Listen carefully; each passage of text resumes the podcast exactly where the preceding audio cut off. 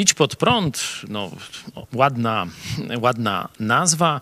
To też oczywiście w dużej części nasz charakter opisuje, ale ostatnio mieliśmy taką przygodę, że oto gościliśmy około 30 osób z zespołu Celebrant Singers. Zdecydowana większość to Amerykanie.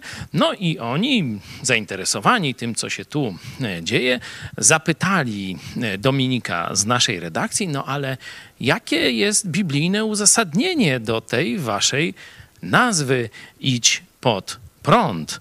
No, jak słuchałem tej historii, myślę, no Dominik, jak ty z tego wybrniesz? Bo rzeczywiście e, trudna historia. Dominik bardzo szybko e, się ogarnął. Bóg mu pomógł znaleźć właściwą odpowiedź. Mówię, a to e, właśnie z tej historii o dwóch drogach, wąskiej i szerokiej. Zobaczcie, Ewangelia Mateusza, siódmy rozdział, wersety 13 i 14. Jezus mówi, wchodźcie przez ciasną bramę, albowiem szeroka jest brama i przestronna droga, która wiedzie na zatracenie, a wielu jest takich, którzy przez nią wchodzą.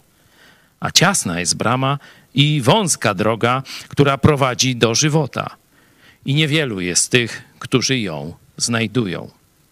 No to mniej więcej wyraża idź pod prąd, czy płyń pod prąd, czy pod prąd. Mówimy tylko zdrowe ryby płyną pod prąd. Tu Jezus mówi, że ci, którzy szukają prawdziwego życia, nie pójdą szeroką drogą, nie pójdą z tłumem, nie pójdą przez łatwą, szeroką bramę, ale będą szukać prawdy.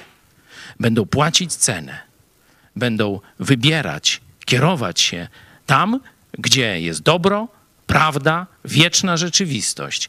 Ci pójdą pod wszelki prąd, by wejść przez ciasną bramę i wejść na wąską drogę Jezusa Chrystusa. Także szacun, Dominik. Bardzo dobra e, odpowiedź. Bardzo bym chciał, żeby każdy też cały czas przed oczyma e, w różnych decyzjach życiowych miał ten obraz. Szeroka, łatwa i wąska, trudna, ale tylko jedna prowadzi do sukcesu. A tak przy okazji, zobaczcie, mam fajniuśką nową koszulkę. Idź pod prąd.